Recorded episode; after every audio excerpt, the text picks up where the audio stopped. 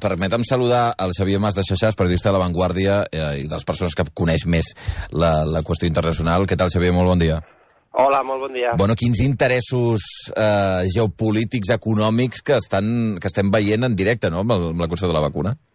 Bueno, això ho hem vist des de que va començar aquesta pandèmia. Aquesta pandèmia de la Covid-19, si us recordeu, al començament es barallaven per les mascaretes, pels ventiladors, per, la, per tot el material sanitari, i és que aquesta pandèmia, a diferència de totes les que han hagut abans, eh, que aquesta és la primera que, que pateix el món, eh, ha estat molt polititzada.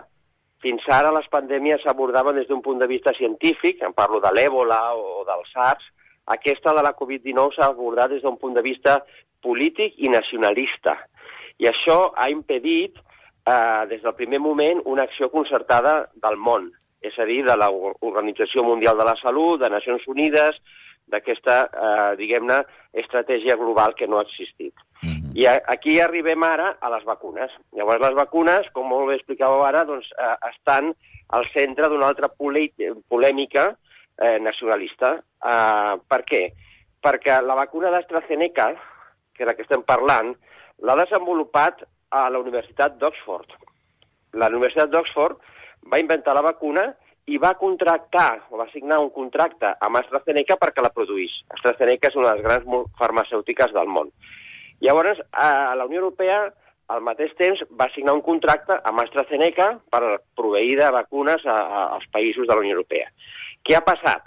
Doncs que aquest contracte, que sembla que té punts foscos, doncs no s'està complint per part d'AstraZeneca i està donant més vacunes al Regne Unit de les que li toquen. Com acabem amb tot això una altra vegada? Doncs tens el Regne Unit dient Oxford és una universitat britànica financiada amb diners britànics, tenim prioritat sobre aquesta vacuna. Mm. I la Unió Europea diu, no, no, jo tinc un contracte que obliga a AstraZeneca a subministrar-me tantes vacunes durant aquests mesos. Problema afegit, AstraZeneca i a les altres companyies farmacèutiques no tenen la capacitat productiva que havien pensat que tindrien. Però, I perdona, no estan produint les vacunes. Xavier, sobre aquesta qüestió, jo recordo mm, molts mesos abans que, que, que s'aprovés la, la vacuna d'Oxford, que AstraZeneca anava dient que havien produït per avançat milers de milions de dosis. Doncs, doncs mentida. en, en, jo crec que en aquest cas de la, de, la, de la vacuna i amb tota la pandèmia, les notícies han estat molt falsejades. Uh, ara és obvi que la, la capacitat productiva d'AstraZeneca a Europa no és la que deien que, que seria. Mm. I les seves fàbriques a, a, a Bèlgica i altres països doncs, no estan a, a, al nivell que, sabia, que es pensaven que estarien. Mm. També, hem de dir, també hem de dir que és un, un, mai, mai cap farmacèutica s'havia hagut d'enfrontar una producció tan elevada. Em sembla que vaig llegir l'altre dia que al món es produïen mil milions de vacunes l'any i ara volen produir mil milions de vacunes en un mes. Mm. I això o ho prepares durant molt de temps o és impossible. I mm. no tens les fàbriques per fer-ho. Okay. I no les tindrem en molt de temps. No mm. les tindrem en molt de temps. Avui l'OMS està dient que el món eh, s'acosta amb un fracàs moral tremendo, perquè hem de dir també que les vacunes només estan als països rics. Clar, clar. Als països pobres de l'Àfrica no s'ha posat cap vacuna encara. Em sembla que al món s'han posat ja 68 milions de vacunes. Cap d'aquestes vacunes ha estat administrada a un ciutadà d'un país pobre. Aquesta desigualtat entre el nord i el sud que les vacunes estan posant ara en, en evidència eh, acceleren encara més aquest, aquest desequilibri que hem vist ja produir-se pel canvi climàtic, per les migracions, per les guerres. O sigui que estem en una situació molt, molt delicada. És, és molt interessant, però, el taulell, perquè, eh, com deies, és una qüestió de geopolítica que ja es va començar a veure amb, amb el tema de les mascaretes. Bueno, és que amb el tema de les mascaretes això era el, el piratisme més absolut, no? O sigui, només sí. faltava el parxe a l'ull. Eh, baixava, sí. pa, paraven l'avió, escolti, no, jo li pago més i, i ve cap, a, cap al meu país, no? O aquest avió sí. està al meu aeroport, d'aquí no es mou, no? Que és el que li va passar a Espanya amb aquell avió carregat de material a Turquia.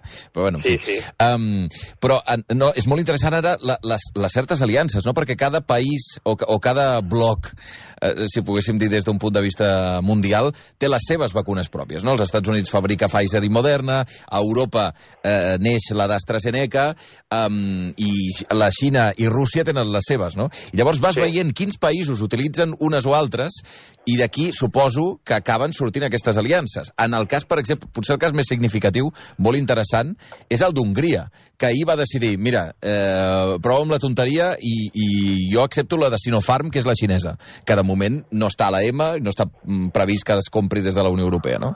Un país que és dins de la Unió Europea.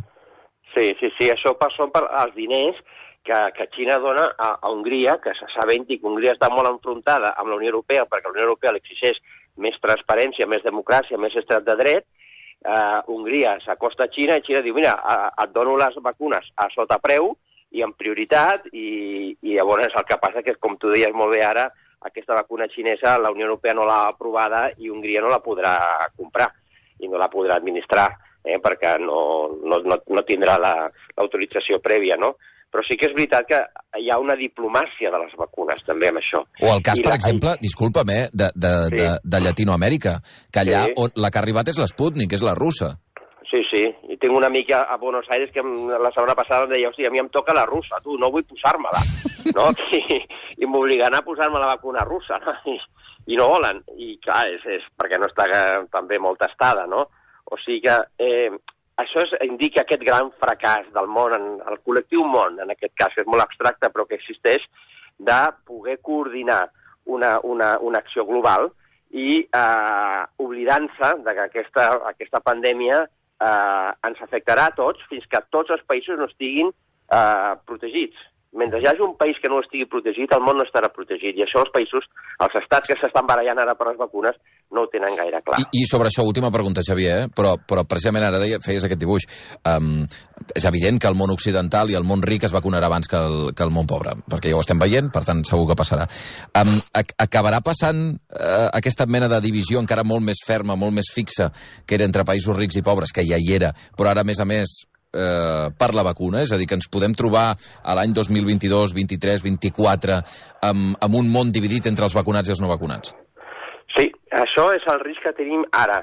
Però també tenim una sortida. O sigui, podem evitar aquest escenari que per mi seria catastròfic. Uh, hi ha una iniciativa que es diu COVAX, que impuls, impulsa la, la OMS, on uh, s'està intentant comprar vacunes a, a altres laboratoris per poder distribuir-les de manera equitativa.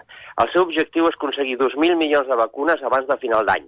Ja veurem si es poden produir tantes vacunes. Però, si més no, hi ha una iniciativa en marxa per poder distribuir vacunes sense benefici econòmic i de manera equitativa a tot el món. Això necessitaria l'impuls, evidentment, dels grans països, que encara s'haurien d'implicar més, com els Estats Units, al capdavant, no? I, eh, però és una oportunitat Uh, I aquí uh, es confia molt amb la vacuna de Johnson Johnson, uh mhm. -huh. que encara uh, no està al, al mercat, però per què? Perquè aquesta vacuna no necessita refrigerar-se, és una sola dosi i, el, i és molt més barata. Uh -huh. Llavors, si això tira endavant, aquesta vacuna de Johnson Johnson que es produeix, sí que seria possible doncs, poder vacunar a gran part de la humanitat amb un ritme elevat i amb un cost molt reduït. Aquesta de Johnson Johnson és la que hi va presentar resultats, que deien que al voltant d'un 66% d'efectivitat, sí. que és una mica menys que la d'AstraZeneca, eh, però, però en casos molt greus eh, es parlava d'un 85% i, i per tant sí. eh, seria molt interessant, com deies, a més a una sola dosi que canvia molt, molt la situació. En fi, Xavier Mas de Xaixàs, moltíssimes gràcies, una abraçada ben forta. Gràcies a vosaltres.